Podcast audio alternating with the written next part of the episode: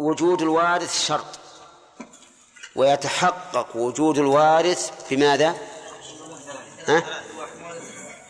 موت المورث نعم. موت المورث نتكلم الآن موت المورث يتحقق بواحد من أمور ثلاثة. المشاهدة. والاستفاضة.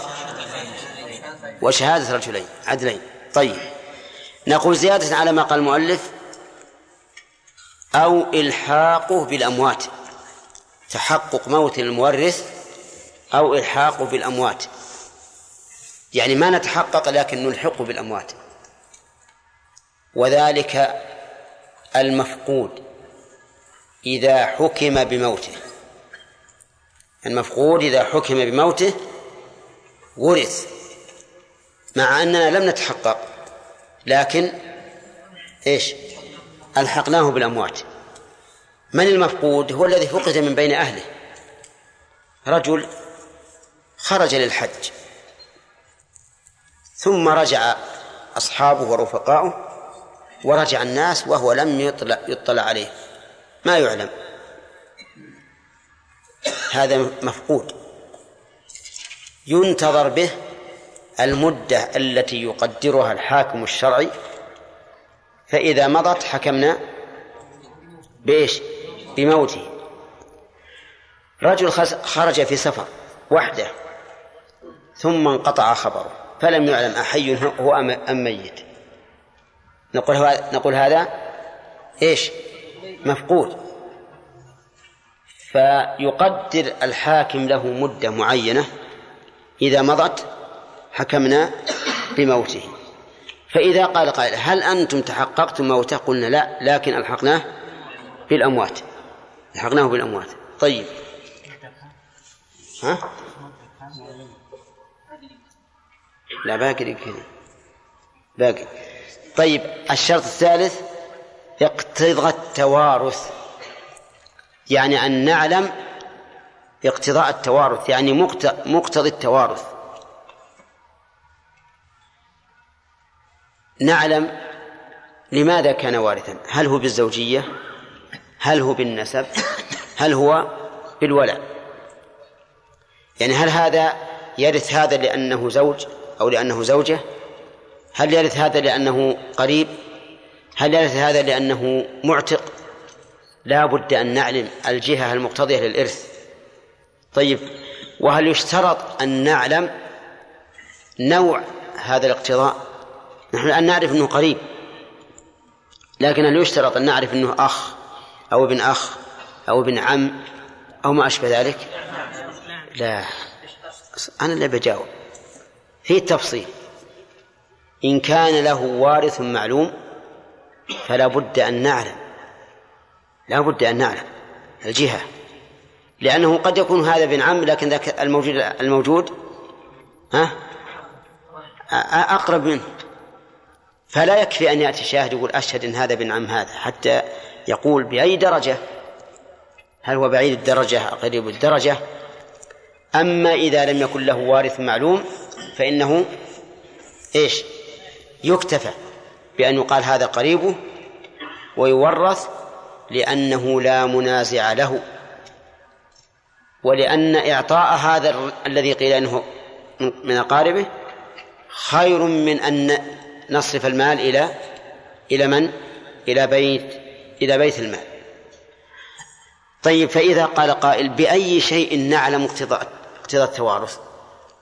نقول نعلم ذلك بالاستفاضة أو بأخبار أصحاب النسب الذين يعرفون الأنساب.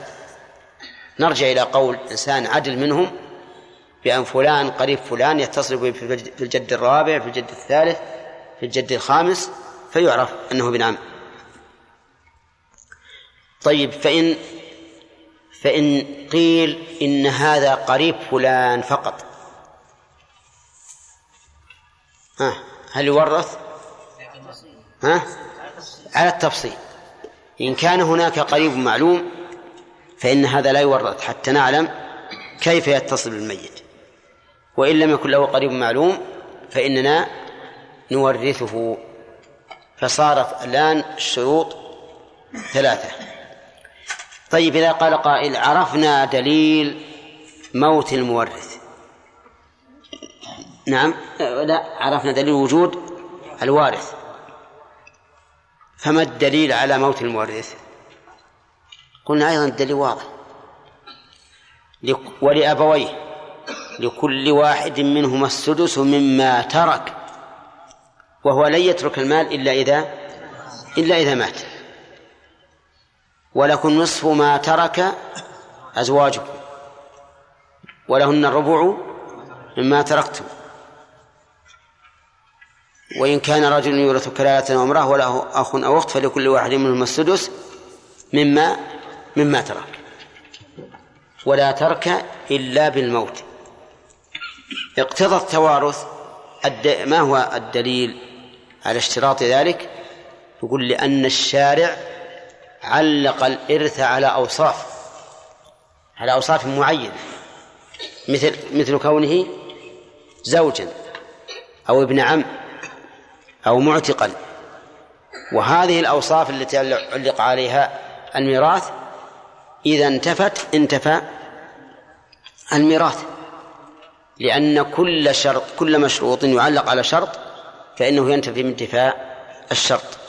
إذن الدليل على اشتراط التوارث دليل أو تعليل. ها؟ تعليل. وهذا التعليل كما سمعتم أن الإرث علق على أوصاف معينة إذا لم تتحقق هذه الأوصاف لم يتحقق الإرث. مثل مثل مثال الأوصاف. زوجية أبوة بنوة أخوة.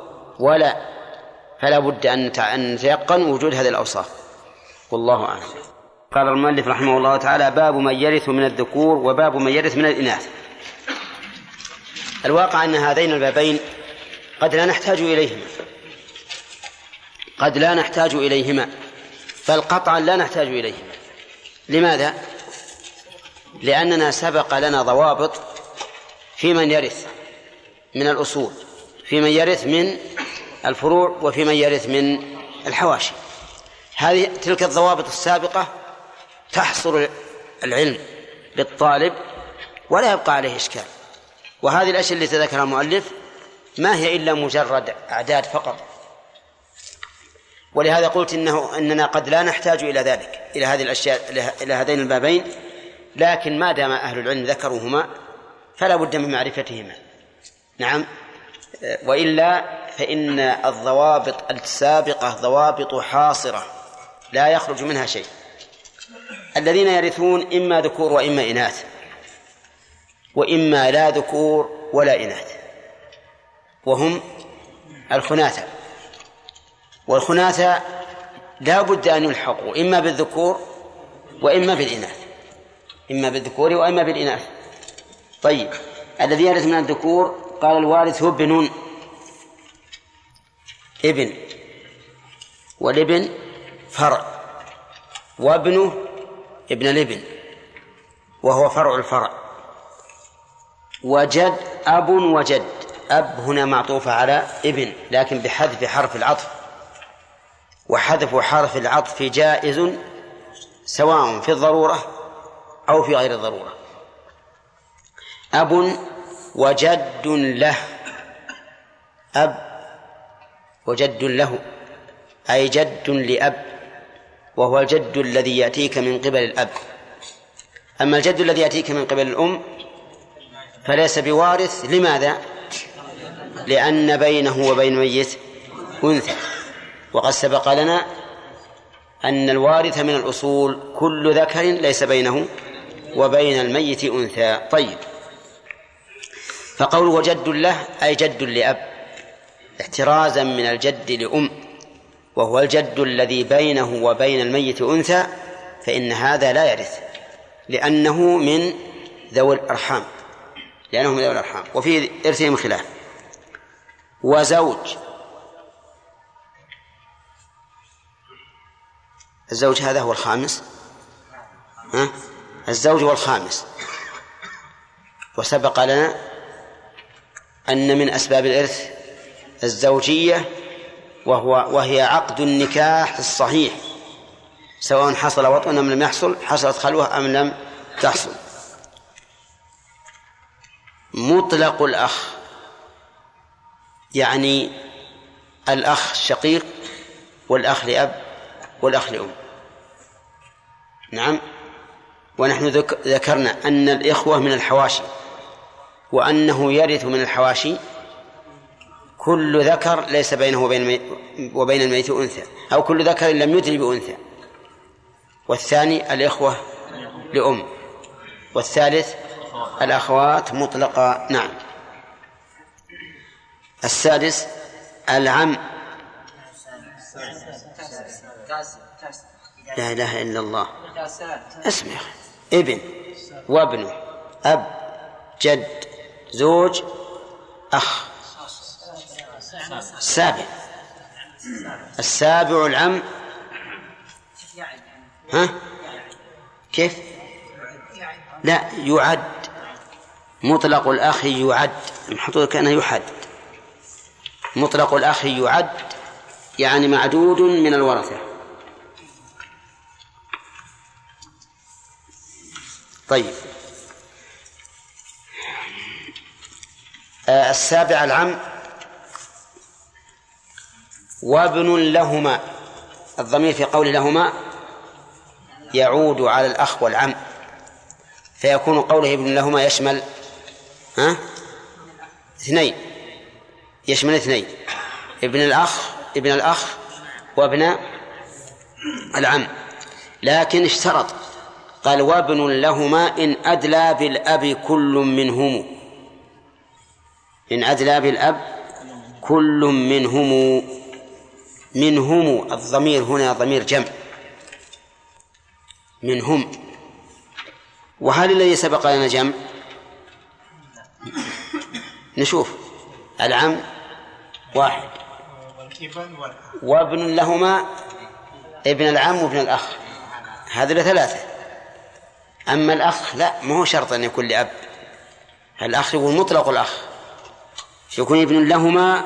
إن أدركوا بالأب كل منهم منهم أي من الثلاثة وهم العم وابن العم وابن الأخ.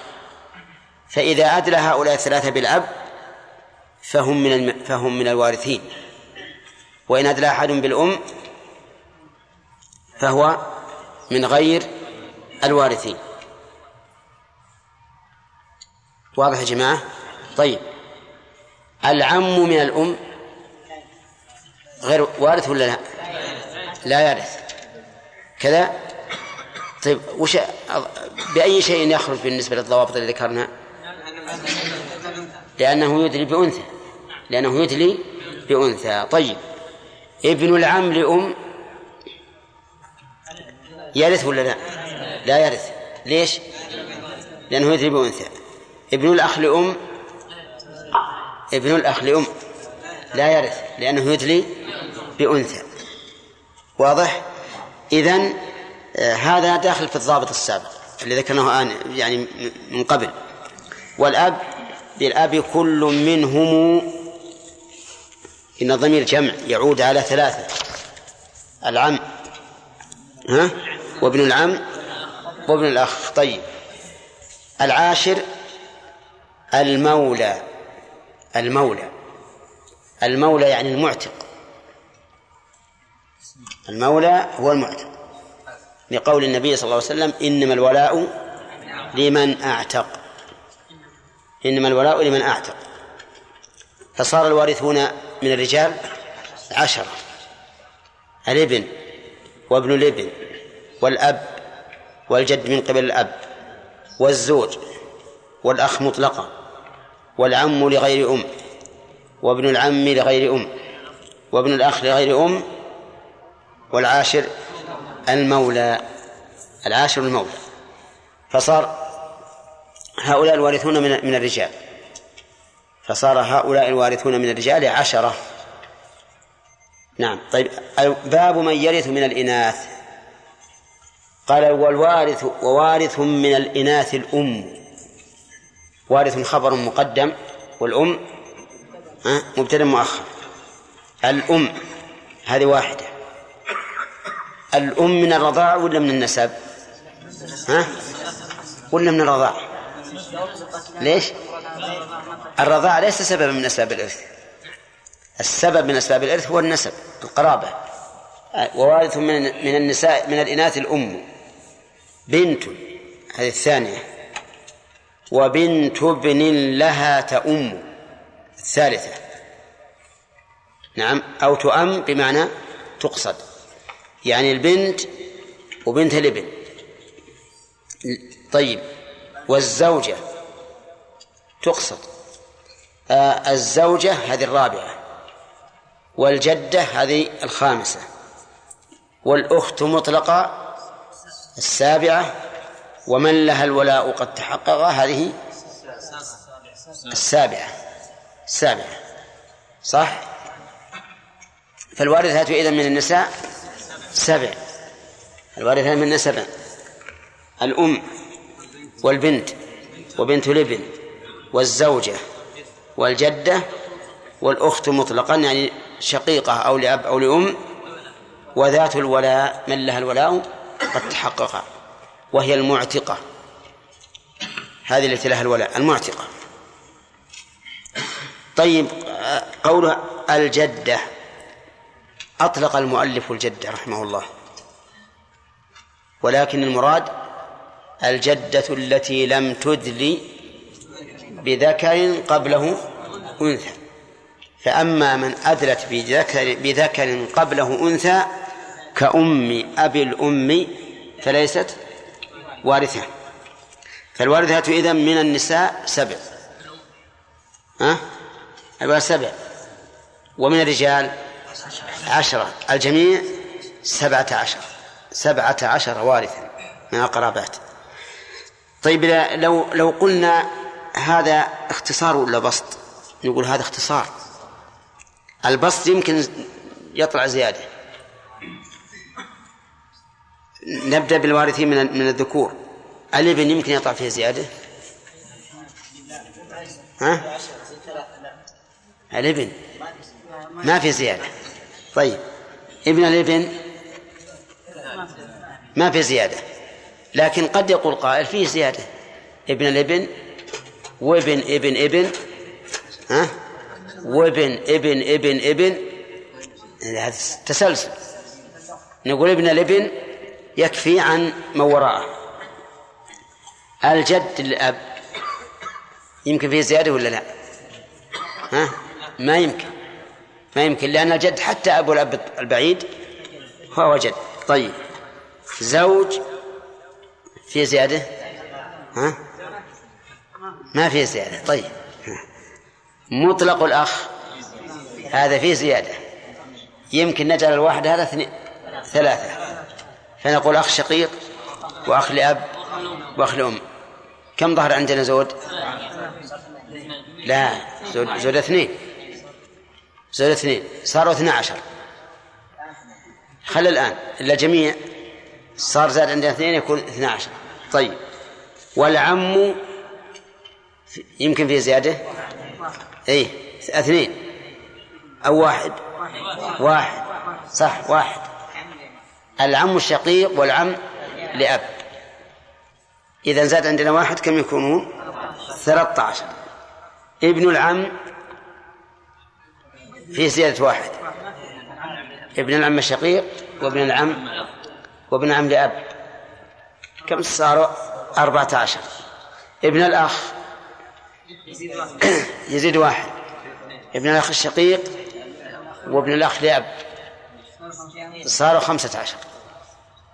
صاروا خمسة عشر. ولهذا نقول الوارثون من الرجال بالاختصار عشر. وبالبسط خمسة عشر. ها؟ نعم. أي هم خمسة عشر بالمولى. بالمولى. لا لا خمسة عشر بالمولى. خمسة عشر بالمولى. نعدهم ما في مانع. طيب نعدهم يا أخوان. ما في المسألة. نروح للقاضي علشان المسألة ذي. نعم. طيب. ابن. ابن ابن. أب. جد. زوج. أخ شقيق. أخ لأب. أخ لأم. عم شقيق. عم لأب.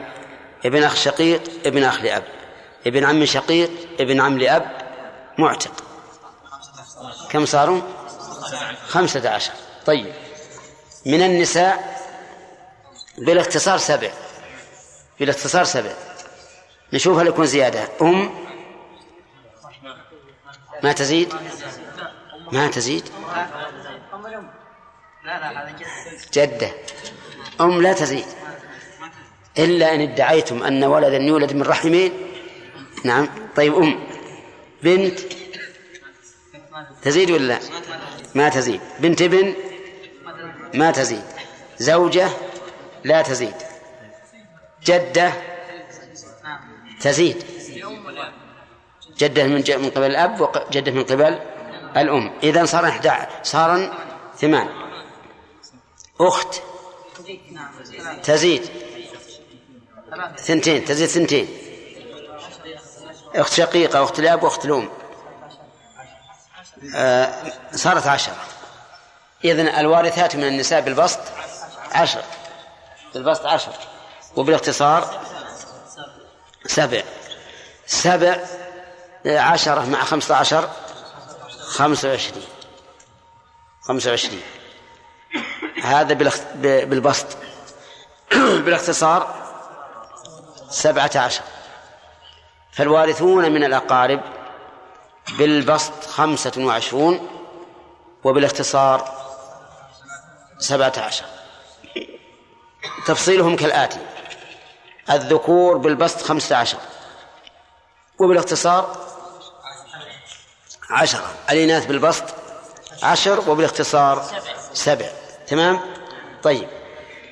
كل هذه الأشياء هؤلاء المعدودون لا يخرجون عن الضوابط التي ذكرناها فيما سبق. بل الضوابط التي ذكرناها فيما سبق أضبط لطالب العلم وأخصر له. لأنه ينزل كل حادثة على على ضابطها. والله أعلم. باب الفروض المقدرة. في كتاب في كتاب الله تعالى الفروض جمع فرض. الفروض جمع فرض. وهو في اللغة الحز والقطع والتقدير. والمراد به هنا النصيب المقدر شرعا لوارث. نصيب مقدر شرعا لوارث. فقول نصيب مقدر خرج به العصب فإن العصب غير مقدر. وقول مقدر شرعا خرج به الوصية. لو أوصى شخص لآخر بربع ماله بعد موته لم يكن هذا من الفروض لكن يسمى وصية. وقولنا لوارث خرج به الزكاة فإن الزكاة نصيب مقدر شرعا لكن لغير الوارثين للأصناف الثمانية المعروفة. قال المؤلف رحمه الله بالفرض والتعصيب إرث ثبت. يعني الإرث تارة يكون بالفرض وتارة يكون بالتعصيب. فالفرض كما عرفتم والنصيب المقدر شرعا لوارث والتعصيب نصيب غير مقدر لوارث. نصيب غير مقدر لوارث. وقولنا إنه غير مقدر لأن النبي صلى الله عليه وسلم قال ألحقوا الفرائض بأهلها فما بقي فلأولى رجل ذكر ولم يقدره. فهو غير مقدر. وقول المؤلف بالفرض والتعصيب إرث ثبت. قدم المعمول على العامل إفادة للحصر. يعني أن الميراء أن الإرث إما بالفرض وإما بالتعصيب. ومراده رحمه الله في هذا الحصر ما أجمع عليه العلماء. وذلك لأنهم اختلفوا في الإرث بالرحم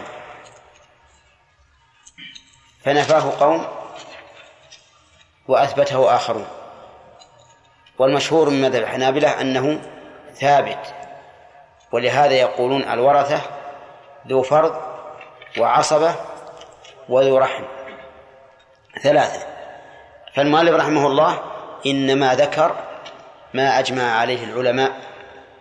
وإن شئت فقل إن المؤلف فيما يبدو من الشافعية والشافعية لا يرون ميراث ذوي الأرحام ويرون أن الفرض أن الميراث إما بالفرض وإما بالتعصيب. طيب ثم قال المؤلف فالفرض في الكتاب أي في كتاب الله ستة أتى. الفرض مبتدأ وأتى خبر وستة حال حال من فاعل أتى. يعني أتى بالغا ستة. أتى بالغا ستة. هذه الفروض المقدرة في كتاب الله ستة أشياء. قال المؤلف ربع وثلث نصف كل ضعفه. ذكر الستة كلها في شطر بيت نعم؟ مع الوضوح. مع الوضوح والبيان. ربع وثلث. نصف كل. كم نصف الربع؟ ثمن. ونصف الثلث؟ سدس. كم صار الجميع الآن؟ أربعة. ضعفه كم ضعف الربع؟ نصف. وضعف الثلث؟ ثلثان. كم صارت الآن؟ ستة. ها؟ ستة. ستة الفروض في نصف بيت. نعم. وهذه من القدرة على التعبير. طيب الربع ما دليله؟ قوله تعالى ولكم نصف ما ترك أزواجكم إن لم يكن لهن ولد فإن كان لهن ولد فلكم الربع. ولهن الربع. آه الثلث فإن لم يكن له ولد وورثه أبواه فلأمه. الثلث والثلث الثاني فإن كانوا أكثر من ذلك فهم شركاء في الثلث. نصف كل الثمن. قوله تعالى ولهن الربع ما تركتم إن لم يكن لكم ولد فإن كان لكم ولد فلهن الثمن مما تركتم. الثلث نصفه السدس. قال تعالى ولأبويه لكل واحد منهما السدس مما ترك. ضعفه ضعف الربع النصف. وإن كانت واحدة فلها النصف. ضعف الثلث الثلثان. وإن كن نساء فوق اثنتين فلهن ثلثا ما ترك. هذه الفروض الستة كلها مذكورة في كتاب الله. وكلها مجمع عليها. أما فيه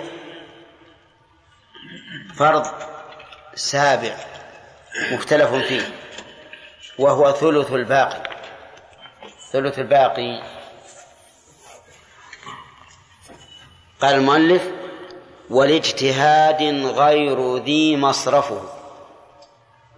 غير ذي يشير إلى إيش؟ إلى الأقسام الستة. يعني ما عدا هذه الأقسام الستة من الفروض فإنه ثبت بالاجتهاد لا بالنص. ويشير رحمه الله إلى المسألتين المشهورتين باسم العمريتين. العمرتين النسبة إلى عمر بن الخطاب وهما أم وأب وأحد الزوجين. ها؟ أم وأب وأحد الزوجين. يعني صورتان. إما زوج وإما زوجة. فإذا كان الوارث زوجا وأما زوجا وأما وأبا فالمسألة من ستة. للزوج النصف ثلاثة وللأم ثلث الباقي واحد وللأب الباقي اثنان. وإن كان الموجود, الموجود معهما زوجة فالمسألة من أربعة. للزوجة الربع واحد. وللأم ثلث الباقي واحد وللأب الباقي. فإذا قال قائل من أين لكم هذا الفرض؟ أرونا في كتاب الله وسنة الرسول الثلث فرضا مقدرا بثلث الباقي. نقول نعم نريكموه في كتاب الله وسنة رسوله. صلى الله عليه وسلم. في كتاب الله قال الله تعالى ما, ما آتاكم الرسول فخذوه. من يطع الرسول فقد أطاع الله. وفي السنة عليكم بسنة الخل... سنتي وسنة الخلفاء الراشدين. وقال إن يطيعوا أبا بكر وعمر يرشدوا. وهذا من سنة من سنة عمر. فيكون ثابتا بالسنة لأمر النبي صلى الله عليه وسلم باتباع سنة الخلفاء وثابتا بالقرآن لأمر الله تعالى بطاعة الرسول صلى الله عليه وسلم. وما آتاكم الرسول فخذوه وما نهاكم عنه فانتهوا. فصار هذا الثلث الاجتهادي ثابتا بالكتاب والسنة الأخذ به. الأخذ به لا هو نفسه ثابت لأنه ما هو موجود في الكتاب والسنة لكن الأخذ به والعمل به ثابت بالكتاب والسنة وقد علمتم كيف إجراء كيف إجراء هذا الدليل. بقي علينا ما وجهه نقول وجهه أن الله عز وجل جعل الأم مع عدم الأولاد ثلث ما للأب. فإذا أخذ الزوج نصيبه أو الزوجة نصيبها بقي الباقي كأنه ليس معهما أحد. فيكون للأب فيكون للأم إيش؟ ثلثه. لأنه إذا كان مال مشترك بين أم وأب فإن للأم ثلثها ثلثه والباقي للأب. ثلثه إذا نزعنا منه نصيب الزوج أو الزوجة صار ثلث الباقي. والخلاصة الآن أن الفروض المقدرة في الكتاب ستة. نصف وثلث ونصف كل منهما وضعفه.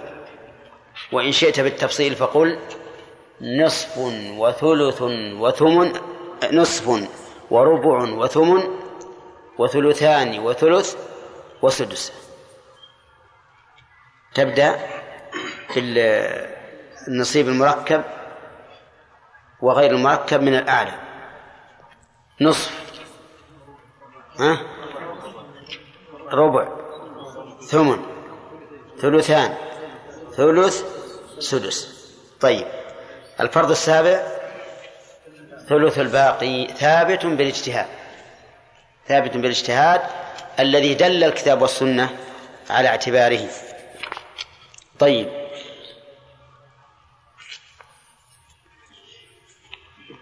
قال باب من يرث النصف. باب من يرث النصف. من يرث ولم يقل من ترث. تغليبا لجانب الذكور. أو يقال اتباعا للفظ من. لأن لفظ من مذكر. فالذي يرث من النصف قال والنصف لز فالنصف للزوج إن الفرع فقد. هذا أول من يرث النصف الزوج. لكن اشترط المؤلف إن الفرع فقد وألف الفرع للعهد الذهني. أي الفرع الوارث. فرع الزوجة ولا فرع الزوج؟ فرع الزوجة الميتة. فإذا ماتت امرأة عن زوج وليس لها أولاد لا منه ولا من غيره فللزوج النصف. انتبه. نحن قلنا إن المراد بالفرع الفرع الوارث. فإن كان غير وارث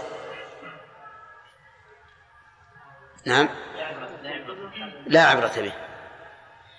كما لو هلكت امرأة عن ابن لها رقيق وزوج.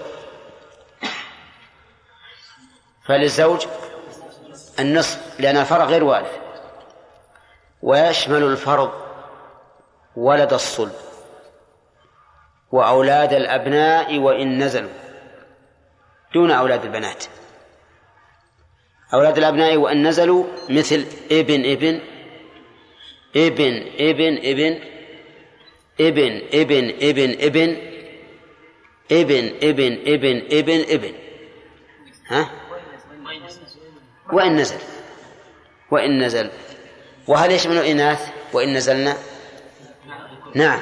لكن بشرط أن لا يكون بينهن وبين الميت أنثى لأنه سبق لنا في الضوابط أن الفرع الوارث يشترط لإرثه أن لا يكون بينه وبين الميت أنثى. طيب بنت ابن؟ وارثة للزوج معها الربع. بنت ابن ابن؟ ها؟ ترث. بنت ابن ابن ابن. طيب بنت بنت؟ لا ترث فللزوج النصف. المهم إذا وجد فرع وارث وهم الأولاد وأولاد الأبناء وإن نزلوا. حطوا بالكم يا أخوان. الأولاد وأولاد الأبناء وإن نزلوا. طيب قولنا الأولاد يشمل الذكور والإناث وأولاد الأبناء أولاد أيضا يشمل الذكور والإناث الأبناء يخرج البنات. وعلى هذا فبنت ابن ترث. ابن الابن يرث فليس للزوج مع وجود ابن. أو ابن ابن أو بنت ابن ليس له النصف بل له الربع. طيب. إذن الزوج يستحق النصف بشرط واحد. وهو عدم الفرع الوارث لمن؟ للزوجة سواء منه أو من غيره. البنت تستحق النصف بشرطين وهي الثانية. وانتبهوا لهذا. لأن أصحاب النصف الأول منهم يستحقه بشرط والثاني بشرطين والثالث بثلاثة والرابع بأربعة والخامس بخمسة. طيب البنت تستحق النصف بشرطين.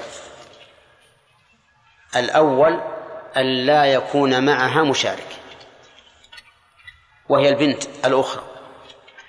والثاني أن لا يكون معها معصب وهو الابن فإن كان معها مشارك لم تستحق النصف وإن كان معها معصب لم تستحق النصف عرفتم لا؟ فإذا هلك هالك عن بنت وعم. فللبنت النصف لأن معها ليس معها مشارك ولا معصب. عن بنتين وعم. لا تستحق النصف لماذا؟ لوجود مشارك. عن ابن عن بنت وابن لا تستحق النصف لأن معها معصب. من معصبها؟ أخوها. طيب. بنت وابن ابن بنت وابن ابن تأخذ النصف يا أخ تأخذ النصف. ليس لها م... ليس معها مشارك. وليس معها معصب. لأن إحنا قلنا أن المعصب أخوها. وابن الابن ابن أخيها ليس أخاها. فالبنت لا يعصبها إلا واحد فقط وهو أخوها الذي هو الابن. الذي هو الابن. وعلى هذا ففي المثال بنت وابن ابن للبنت النصف والباقي لابن الابن تعصيبا ثم بنت الابن ثم بنت الابن ثم بنت الابن يعني ثم لبنت الابن فاعتمد. بنت لب بنت الابن ترث النصف. يا هداية الله. بثلاثة شروط بنت الابن ترث النصف بثلاث شروط. أن لا يوجد مشارك ولا معصب. ولا فرع أعلى منها. ولا فرع أعلى منها. طيب فإن وجد مشارك كبنت ابن وأختها فليس لها النصف لأن إحنا اشترطنا أن لا يكون لها مشارك. فإن وجد لها مشارك كبنت كأختها فليس لها النصف كبنت عمها. كبنت عمها يا إخوان. ليس لها النصف ليش؟ لأن بنت عمها بنت ابن مثلها. أولى. مشارك. طيب. أن لا يوجد لها معصب. من المعصب؟ أخوها أو ابن عمها. المعصب لبنت الابن ابن ابن بدرجتها.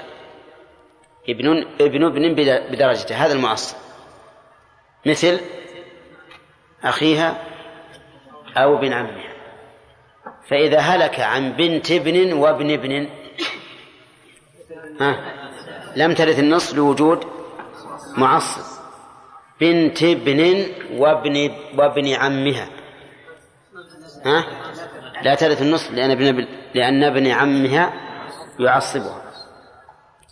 بنت ابن وابن ابن ابن. ها؟ لها النصف لأن ابن ابن عمها النازل لا يعصبها إذ لا يعصب بنت الابن إلا ذكر مساو لها مساو لها. أنتم معي يا إخوان؟ طيب. الثالثة أو الرابعة؟ الرابعة قال ولشقيقة. ولشقيقة. فالأخت الشقيقة بقى علينا شرط في البنت. أن لا يوجد فرع وارث أعلى منها. فإن وجد فرع وارث أعلى منها لم ترث. ولكن لا يخلو الفرع الوارث الذي أعلى منها من ثلاث حالات. أن يكون ذكر فتسقط. أن يكون أنثى واحدة فلها السدس تكملة الثلثين. أن يكون اثنتين فأكثر فتسقط إلا مع وجود معصب. إلا مع وجود معصب. انتبهوا للمفهوم هذا اللي بغى يضيع علينا. أن لا يوجد فرع أعلى منها فرع وارث أعلى منها فإن وجد فرع وارث أعلى منها لم يخلو من ثلاث حالات. أن يكون ذكرا فتسقط.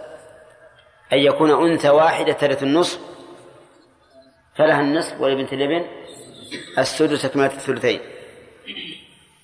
الثالث أن يكون اثنتين فأكثر. فلهما الثلثان وتسقط بنت الابن إلا مع وجود معصب. إلا مع وجود معصب. ها؟ طيب. ناخذ أمثلة. هلك هالك عن بنتي ابن. ثنتين. ترث كل واحد منهم النصف ليش؟ لوجود مشارك. هلك آخر عن بنت وبنت ابن. ترث النصف؟ لا ترث النصف. لماذا؟ لوجود معصب.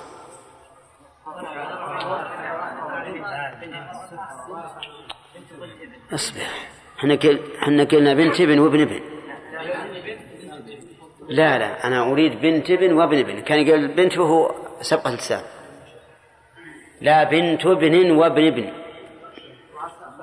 هذه لا ترث النصف لوجود معصب. كذا. طيب بنت ابن وابن ابن نازل أعلى منها. ها؟ ثالث النصف. أولى. لأنه لا مشارك ولا معصب. انتهينا من الشرطين الأولين. الشرط الثالث قلنا أن لا يوجد فرع وارث فإن وجد فرع وارث فلا يخلو من ثلاث حالات. أن يكون الفرع الوارث الذي أعلى منها ذكرا فتسقط أنثيين فتسقط إلا مع وجود معصب الثالث أنثى واحدة فتأخذ النصف ولبنت الابن السدس. مثال الأول هلك عن ابن وبنت وبنت ابن. تسقط؟ طيب. هلك عن ابن ابن وبنت ابن ابن. ليش؟ لأن ابن الابن ذكر أعلى منها. طيب. هلك عن بنتين وبنت ابن. تسقط إلا مع وجود معصب. من المعصب؟ أخوها أو ابن عمها المساوي لها. ف أو ابن عمها النازل. النازل عن درجتها. لأن بنت الإبن إذا استغرقت إذا استغرق من فوقها الثلثين عصبها من في درجتها ومن هو أنزل منها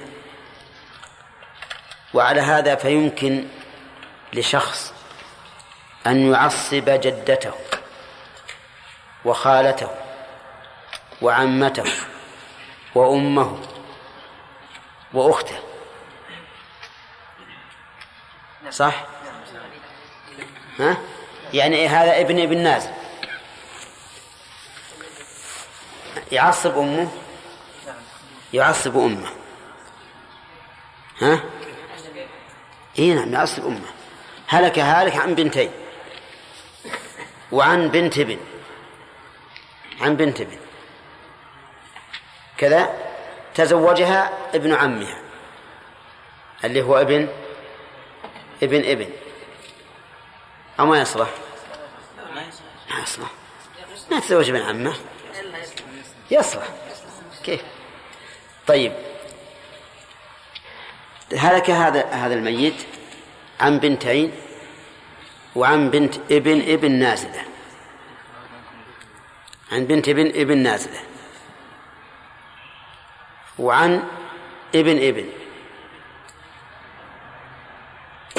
نعم. أنزل منها. ابن ابن هذا يعصب أخته اللي في درجته ويعصب أمه لأن بنت ابن ويعصب جدته لأنها أيضا بنت ابن لكنها أعلى من أمه ويعصب خالته ويعصب عمته لأن ابن الابن النازل يعصب كل من فوقه من بنات الابن إذا استغرق من فوقهن إيش؟ الثلثين. طيب الخلاصة الآن ترث بنت الابن النصف بثلاثة شروط. ما هي؟ الوقت الله يهديكم ها؟ ما نمتون تعالى بالفرض والتعصيب إذا ثبت بقي على المؤلف قسم ثالث. ما هو؟ ذوي الأرحام. ولم يذكره لأنه أراد أن يذكر ما أجمع الناس عليه. أو لأنه شافعي المذهب لا يرى إرث ذوي الأرحام. نعم؟ إيه ذكر. طيب. يقول الفرض في الكتاب ستة أتى. ثم عدها يا أحمد. أي ربع ونصفه. لا ربع ربع ونصفه وضعفه. ثلث ونصفه وضعفه. ها.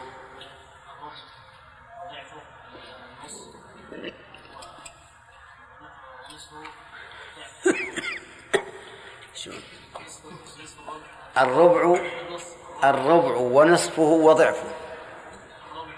ها. نعم. طيب. والثلث ونصفه وضعفه. نعم. أحسنت. يلا محمد. ائت بالدليل على فرض الربع. لا محمد. وش اسمك؟ إيش؟ محمد السلام. يلا. ولهن الربع مما تركتم. أحسنت. آه الدليل على الثمن.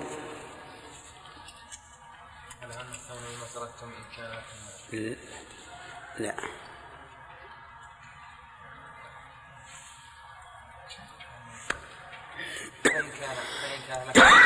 نعم. إن كان لكم ولد فلهن نعم. النصف أحمد؟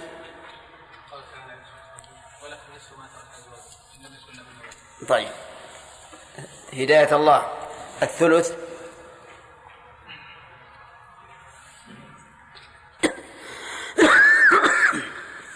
الدليل من القرآن على الثلث. ها؟ نسيت؟ دور ها؟ دور ما لك إيه دور ولا لقى يلا. شاكر. ها؟ فإن كان له إخوة لا. ليس كذلك. عليان. وورثه في رجل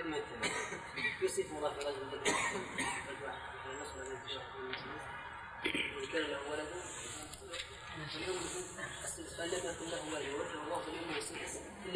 ولأبويه إن كان له ولد. فإن لم يكن له ولد. وورثه أبواه فلأمه. الثلث. طيب. آه السدس نعم.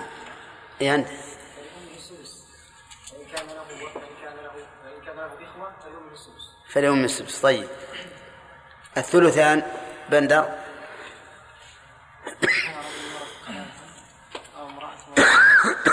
لا.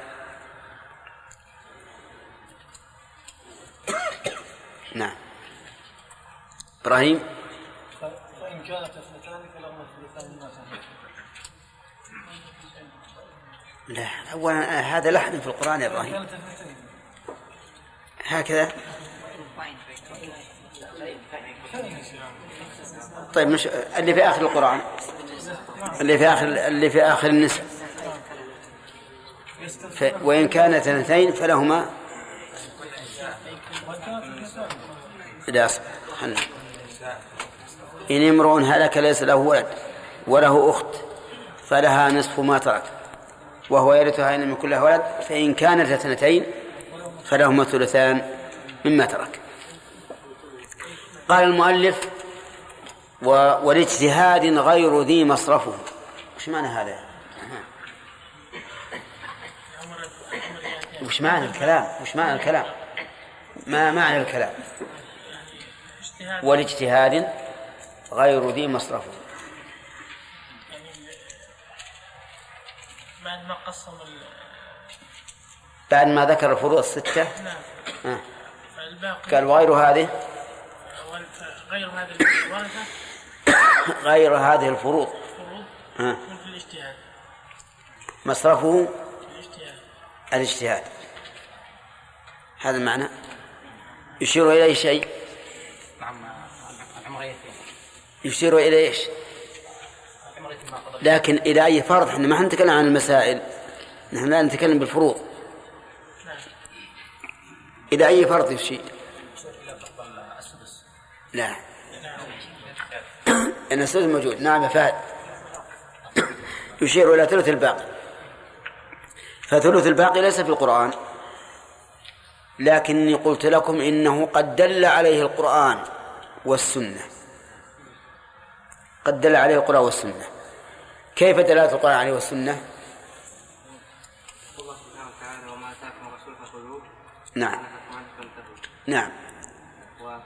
وقال الرسول صلى الله عليه وسلم يطيعوا أبا بكر وعمر أحسنت. وقد فرض عمر هذا وقد فرض عمر هذا الفرض الوارثون للنصف عددهم يا هداية الله؟ كم عددهم؟ يعني ست. أو خمسة. لا ست. لا لا خمسة. زوج وبنت وبنت خمسة. مؤكد. الزوج والبنت وبنت. الابن والأخت الشقيقة والأخت الأب. هو أخت على على لأب. ها؟ أخت العلاء إيه لأب أخت إيه. هذا خمسة. زوج وبنت وبنت ابن إيه نعم. وأخت شقيقة وأخت الأب. أي نعم هم خمسة. المهم نعرف أنه خمسة. الزوج يستحق النصف عادل. شرط.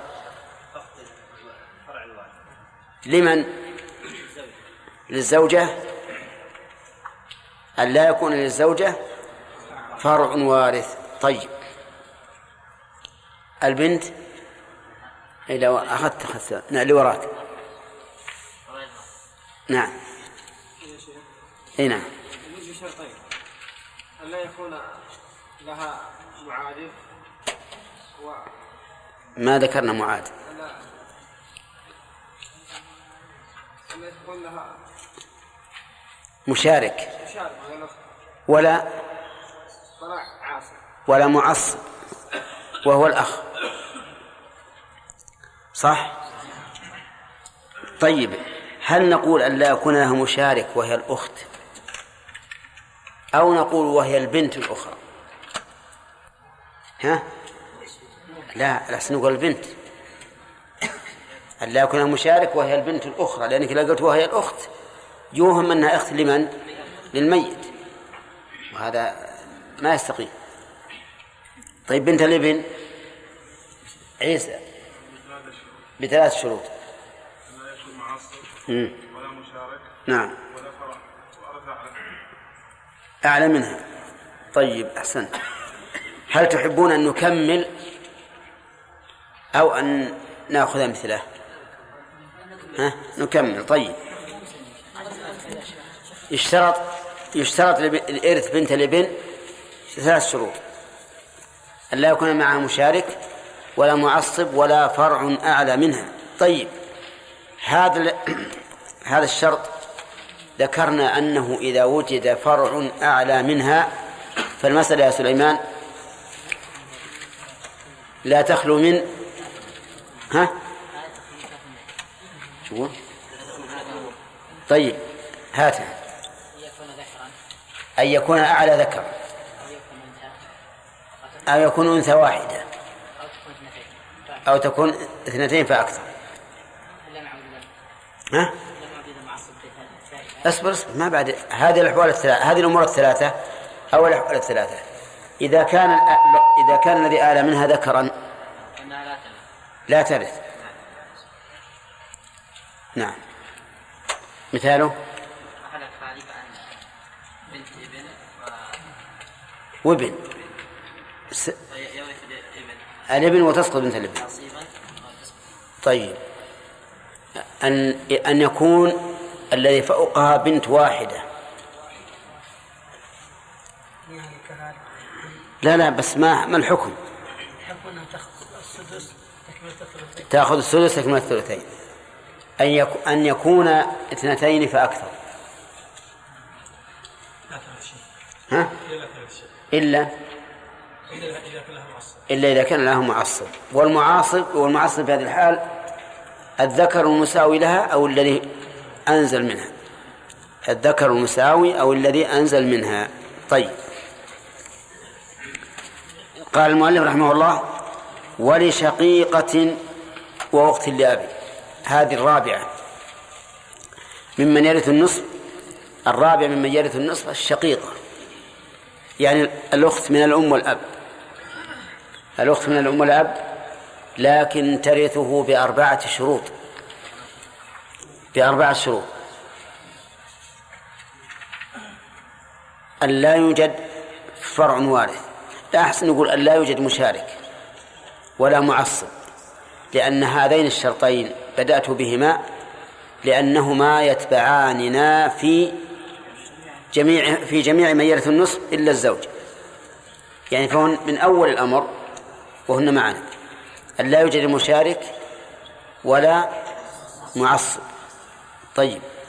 وأن لا يوجد فرع وارث ولا أصل من الذكور وارث. ولا أصل من الذكور وارث. كم الشروط الآن؟ أربعة. أن لا يوجد مشارك ولا معصب ولا فرع وارث ولا أصل من الذكور وارث.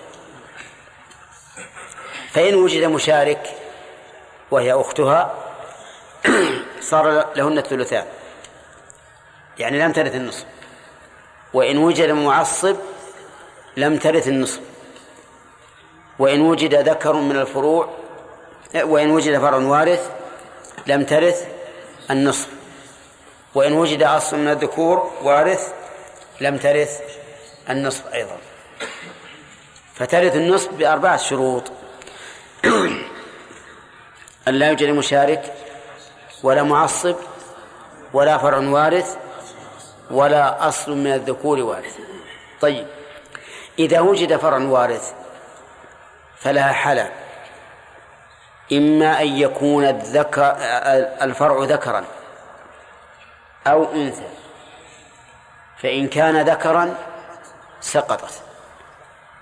وإن كان أنثى ورثت معه بالتعصيب. ورثت معه بالتعصيب. كبنت وأخت شقيقة البنت لها النصف والباقي لأخت الشقيقة تعصيبا. طيب أن لا يوجد أصل من الذكور وارث. فإن وجد أصل من الذكور وارث سقطت إن كان الأب وورثت معه على تفصيل واختلاف بين العلماء إن كان الجد. لكن لا ترث النصف. طيب إذن إذا وجد أصل من الذكور وارث فلها حالان أن يكون الموجود هو الأب فتسقط أن يكون الجد ففيه خلاف بين العلماء منهم من قال تسقط ومنهم من قال ترث على تفصيل في ذلك لكنها لا ترث النصف قطعا. ها؟ كيف؟ إيش؟ الراجح انها ما ترث. الراجح لا ترث. مع الأصل من الذكور كما كما لا ترث مع مع الفرع من الذكور. طيب. من بقي؟ الأخت لأب. الأخت لأب يشترط لإرثها النصف خمسة شروط. أن لا يوجد مشارك ولا معصب ولا فرع وارث ولا أصل من الذكور وارث ولا شقيق وشقيقة. نعم. وإن شئت فقل ولا أحد من الأشقة. ولا أحد من الأشقة. الشروط كم الآن؟ خمسة. من يعدها؟ عدم عدم المشاركة. لا يوجد مشارك لا يوجد مشارك لا يوجد معصب نعم. لا يوجد فرع وارث نعم. لا يوجد الأصل الذكور لا يوجد أحد من الأشقة طيب. أما أن لا يوجد مشارك فقد سبق أنه إذا وجد مشارك فلا ترث النصف وإنما ترث معه الثلثين. أن لا يوجد معصب إذا وجد معصب فإنها لا ترث النصف وإنما ترث معه بماذا؟ بالتعصيب. أن لا يوجد فرع وارث نقول في نقول فيها ما قلنا في الأخت الشقيقة. إن وجد فرع وارث فإن كان ذكرا سقطت وإن كان أنثى ورثت معه بالتعصيب. أن لا يوجد أصل من الذكور وارث فإن وجد أصل فإن كان الأب إيش؟ سقطت. وإن كان الجد الجد وإن علا ففيه خلاف. فبعضهم قال تسقط وبعضهم قال ترث معه على تفصيل في ذلك. والصحيح أنها تسقط. أن لا يوجد أحد من الأشقة. فإن وجد أحد من الأشقة فلا يخلو من ثلاث حالات. أن يكون ذكرا فتسقط. فإذا وجد شقيق سقطت الأخوات من الأب. أن أن يكون أنثى واحدة فلها السدس تكملة الثلثين. أن يكون شقيقتين فأكثر فتسقط. إلا مع وجود معصب. إلا مع وجود معصب. صارت الأخت لأب مع الأخت الشقيقة تشبه بنت الابن مع البنت. تشبه بنت الابن مع البنت. وبهذا تم الكلام على من يرث النصف. ونعيد الآن مناقشة. الزوج له النصف بشروط. الزوج له النصف بشروط. بشرط. إي نعم. نعم. أن أن لا يوجد فرع لوارث للزوجة. تمام. والبنت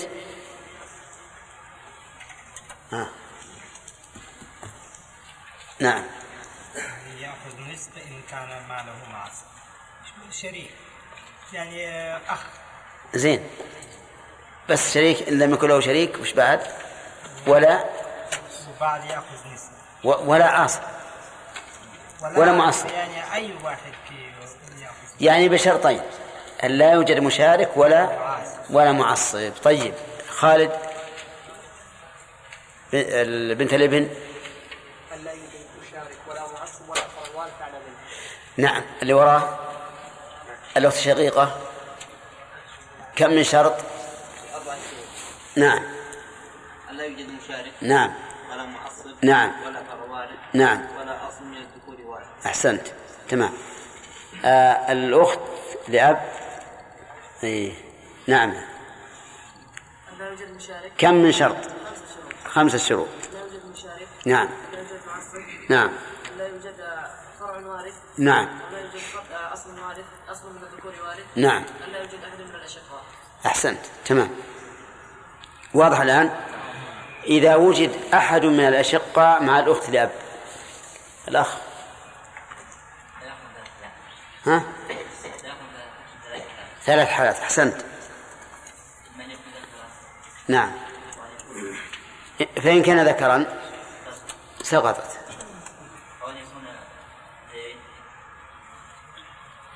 نعم. لا.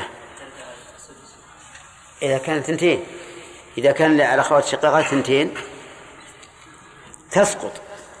إلا مع وجود معصب إذا كانت الشقيقات واحدة. ترث معها السدس تكملة الثلثين. تمام الآن؟ طيب. آه نأخذ أمثلة على هذا. هلك هالك يا أحمد. هلك هالك عن زوج يعني هلكت امرأة عن زوج و... وأخ شقيق.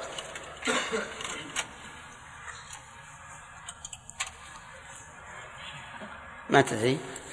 ها؟ طيب يا هداية الله. نعم. الزوج نصف والأخ الشقيق العصر. له الباقي. إيه بعد طيب هل الشروط تامة؟ الآن لإرث الزوج النصف؟ إيه؟ إيه. ما له آه أحسنت. طيب يا عبد الرحمن هلك هالك عن بنت وأخ شقيق.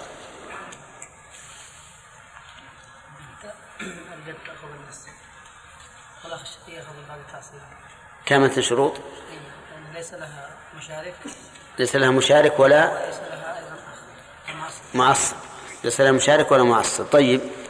النصف والنصف الآخر طيب الأخ هلك هالك عن بنت ابن وعم. عم شقيق. نعم. تأخذ النصف للبنت لبنت الابن النصف. والباقي؟ تام الشروط الآن؟ ليس فيه مشارك. ولا معصب ولا فرع وارث أعلى منه. طيب هلك هالك عن بنت ابن وابن. نعم. ليش؟ لأن في المسألة ذكرا أعلى منها فتسقط كذا؟ طيب. يلا نصر بنت ابن وابن عمها. تسقط كذلك يعصب وشلون تسقط تقول عصبها تناقض. يعصبها هذا نعم يعصب ابن عمها الذي بدرجتها ولا ترث ولا ترث النصف تمام. طيب أخت شقيقة بندر وعم شقيق. تامة الشروط. لا مشارك. مم. ولا فرع وارث. ولا فرع وارث. ولا أصل ولا ذكر وارث. تمام. آه، أخت شقيقة وابن أخ شقيق. يلا. ها؟ أخت شقيقة وابن أخ شقيق. كيف؟ الاخت شقيقه لها نص إيه؟ لا لا لا أنا ليس لها نص ليس لها نص ليش؟ الفرع ها؟ الوارث الذكر الفرع الوارث الذكر أخت شقيقة وابن أخ شقيق نقول لا ترث النصف لماذا؟ لوجود الفرع وارث أين الفرع الوارث؟ لا هذا فرع صغير وارث ها؟ هذا فرع صغير وارث فرع غير وارث كيف كان فرعا وهو ابن أخ هنا ثلاث النص لا اشكال لتمام الشروط طيب. وين الشروط؟ عدم المعصب عدم المشارك. وعدم الفرع الوارث الذكر مم. وعدم الأصل. وعدم الأصل الذكر هو عدم الفرع الوارث الذكر ولا بس عدم الفرع الوارث مطلقا؟ مطلقا ذكر ولا غير ذكر؟ طيب. وعدم ال- وعدم اسم وعدم وعدم الأصل الوارث الذكر وعدم الشقه طيب. ابن الأخ الشقيق هذا. هذا ابنه ليس ولا يصح تقول عدم الأشقة لأن هي أخت شقيقة. كيف تقول عدم الأشقة؟ عدم أنت قلت عدم المشارك وعدم المعصب وعدم الفرع الوارث وعدم أصل من ذكر الوارث. تمت الشروط. لكن ما تقول في ابن الأخ الشقيق؟ ما ينطبق عليه. شيء وراه. ليش؟ ليس لا فرع ولا لا فرع ولا أصل ولا ولا اسم ولا مشارك ولا معصب. ما ها. نعم. لأن هذا لا يعصبها. ابن أخ شقيق ما يعصبها لأنه أنزل منها درجة. واضح؟ إذا فالشروط تامة. طيب. يلا سامي نأخذ هذه المثال عشان بقى اختل الأب مثال. ها؟ أخذ؟ لا لا لا. ها؟ طيب. ها؟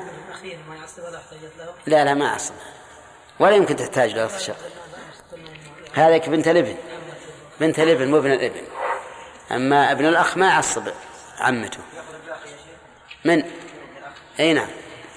يأخذ الباقي الأخت الشقيقة لها النصف والباقي لابن الأخ الشقيق. طيب هلك هالك عن أخت لأب وابن عم شقيق.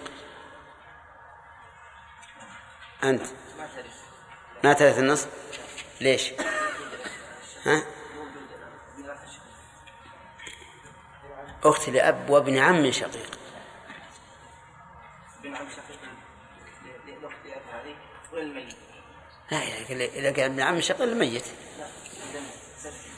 ها ثلث النصف. والباقي لابن عم لابن عم. طيب ابن أخ شقيق.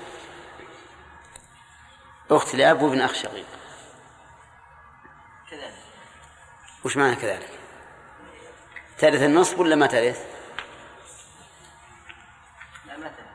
ما ترث النصف شوف الشروط في تامة ولا غير تامة؟ لا تام أختي أب وابن أخ لأن أنزل منه مو مو بخش أ- المهم لا تامة يعني لا نافئة لا تام شروط تلف طيب شوف الشروط.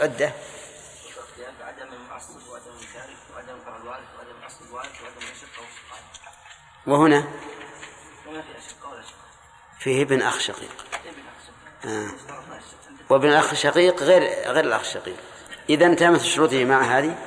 ترث النصف واضح؟ طيب. وباقي أمثلة الآن. حطوا بالكم وقفنا على على أسامي. عندي علي إن شاء الله تعالى.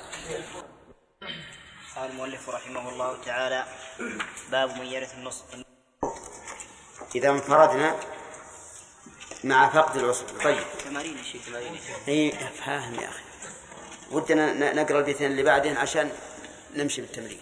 لأن البيتين اللي بعدين بسيط يقول مالك رحمه الله تعالى إذا انفردنا مع فقد العصب. انفردنا عن إيش؟ عن مشارك لأنه قال مع فقد العضو وقد علمنا أن هؤلاء الخمسة يرث كل واحد منهم النصف بشرط على حسب الترتيب. الزوج بشرط واحد وهو رقم واحد. البنت بشرطين وهي رقم اثنين. الابن بثلاثة وهي رقم ثلاثة. الشقيقة بأربعة وهي رقم أربعة. وهي رقم أربعة. الأخت لأب خمسة. وهي رقم خمسة. هذا أيضا مما يسهل عليكم الشروط طيب.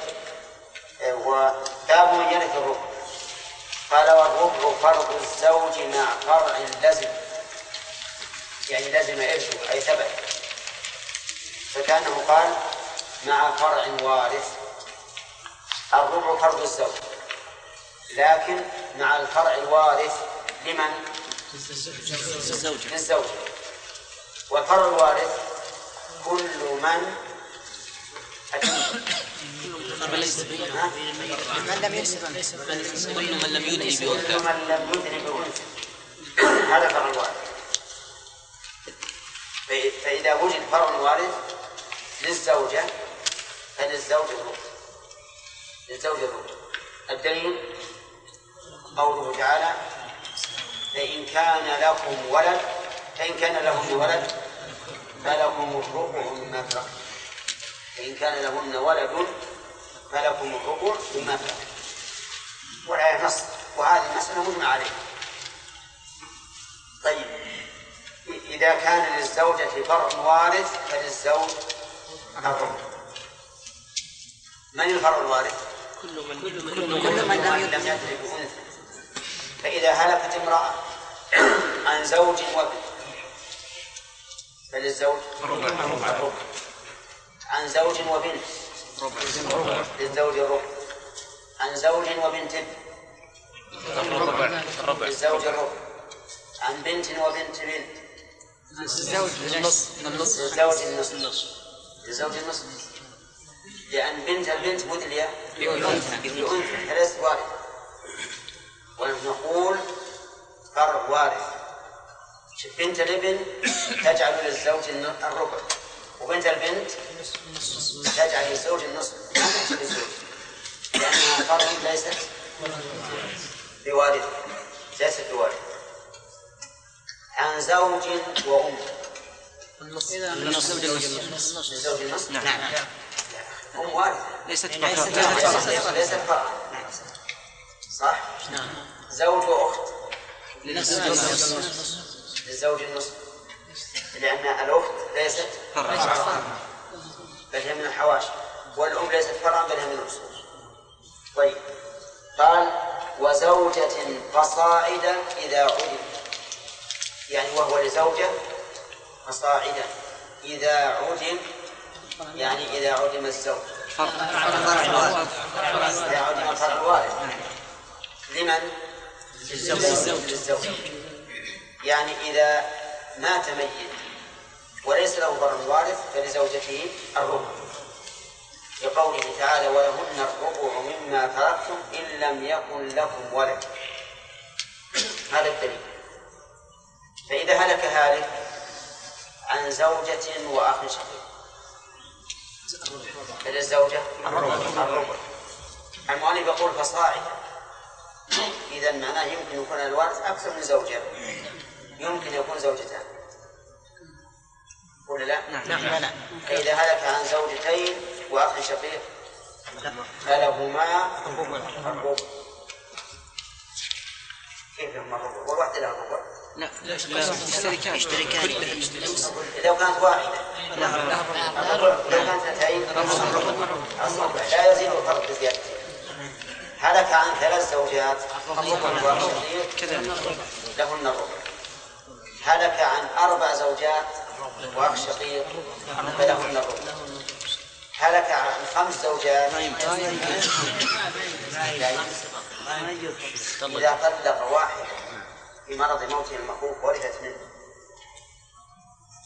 وما مر علينا هذه علينا بس ما بزوجها. ما يزوجها مرة توجيه ولا ما يزوج عشان يعرف. الإنسان عنده 100 مليون ما يزوج إلا مرة أقرب للعلم طيب على كل حال إذا مات عن خمس لها نروح لهن الربع لكن واحدة مطلقة لابد فائدة لأنه ما يمكن يتزوج.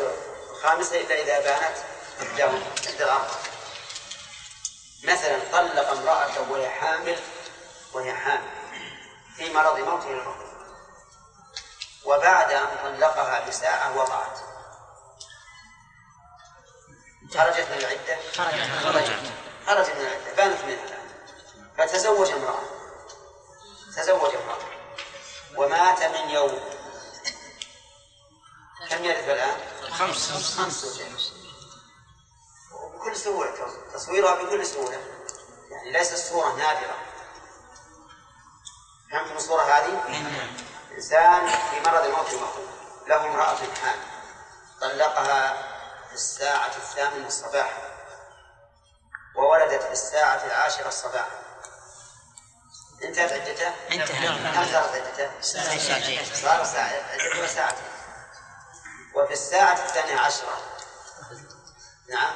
أو الساعة واحدة. تزوج. تزوج على الغد. نعم. صار مزوجا الآن جديدا وفي الساعة الرابعة توفي في يوم.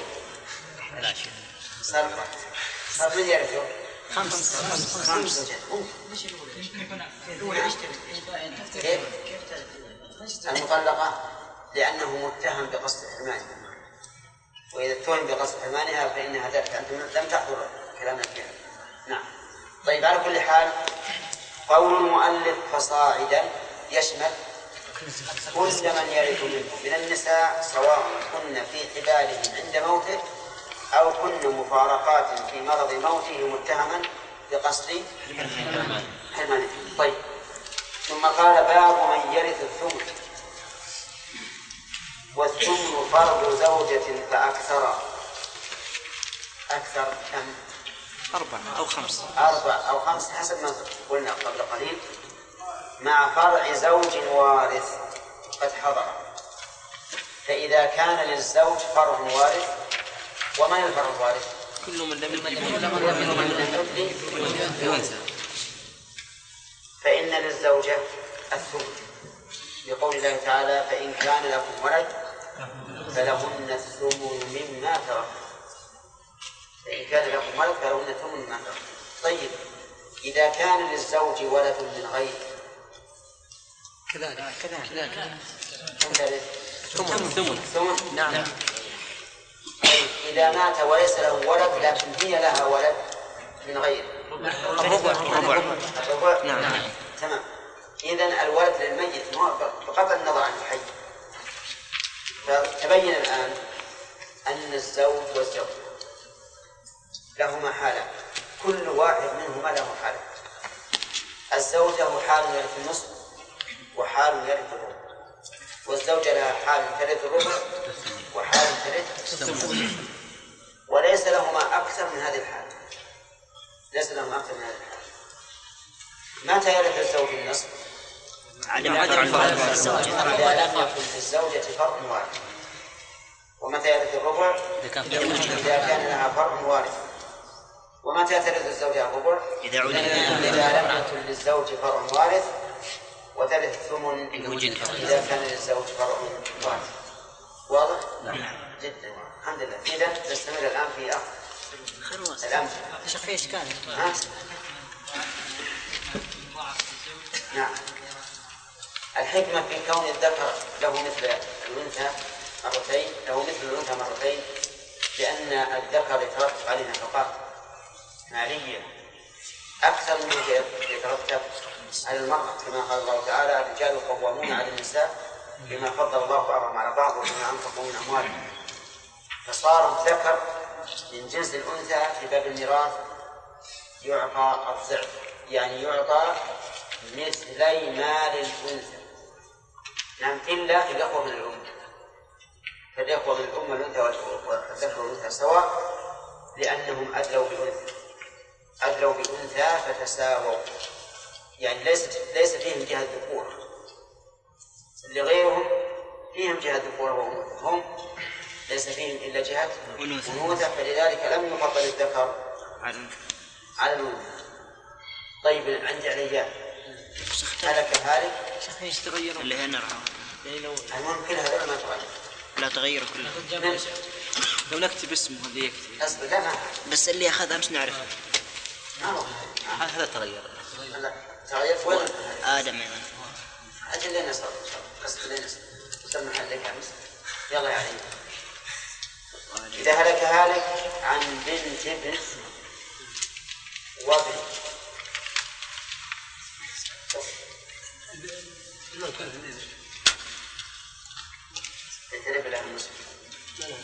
لماذا؟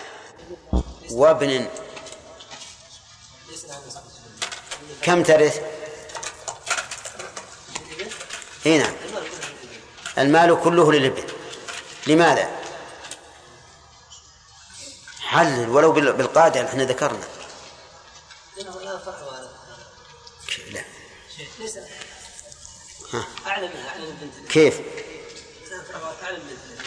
كل فرع وارث أعلى من بنت الابن فإنه يحجبها؟ أجب. خطأ. نعم في تفصيل ان كان ذكر اترك في التفصيل أعطنا حكم المسألة إحنا معنا الآن. بنت بنت. بنت ابن وابن. يحجبها لأن هذا ذكر والذكر يحجب من تحته صح. أحسنت. إذا نقول بنت الابن هنا ليس لها شيء. لماذا؟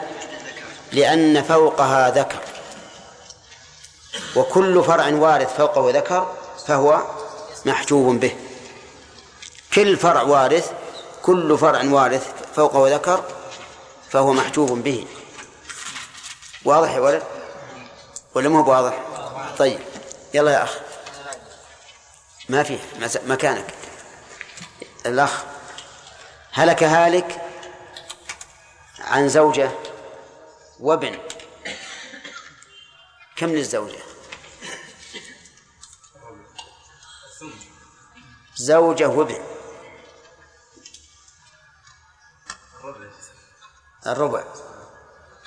ليش؟ إذا وجد فرع وارث يكون الربع الزوجة ها؟ الثمن. كيف؟ زوجة وابن.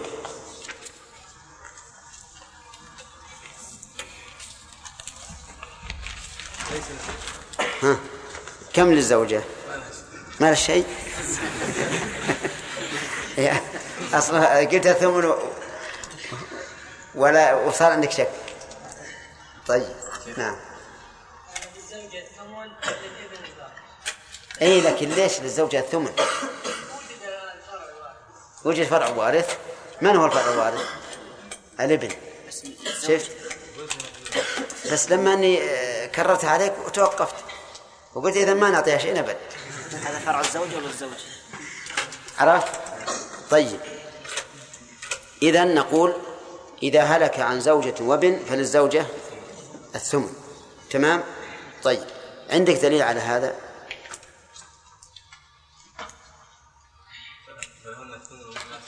وش اللي قبل؟ فإن كان لكم ولد فلهن الثمن مما تركتم. طيب. يلا عادل. هلك هالك عن أخت شقيقة وأخ شقيق. كم للأخت؟ هل ترث النصف؟ لماذا؟ وجد مشارك يوجد المعصب وهو الأخ. شوف إذا قلنا لوجود معصب وهو الأخ معناه ترث بالتعصيب. ها؟ إذا ورثت بالتعصيب فللذكر مثل حظ الأنثيين. ما دام ورثت بالتعصيب يكون لأخوها لأخيها ثلث ماله إيه، مثلي أو يكون لأخيها مثل ماله. أولا يعني يقسم ما بينهما؟ كم يقسم المال؟ على كم؟ على ثلاثة. له سهمان ولها سهم. هلك هالك عن أختين شقيقتين. هل لكل واحد النصف؟ ثنتين هل لكل واحدة النصف؟ ليش؟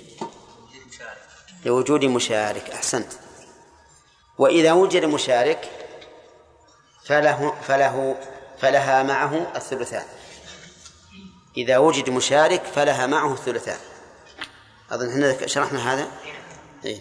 إذا وجد مشارك فلها معه الثلثان إذا وجد معصب ورثت معه بالتعصيب. طيب يلا عيد. هلك هالك عن بنت وزوج. بنت وزوج. الربع لماذا؟ وهي؟ وهي البنت. للزوج الربع لوجود الفرع الوارث وهي البنت. ما الدليل؟ فإن كان لكم فإن كان لهن ولد فلكم الربع مما ترك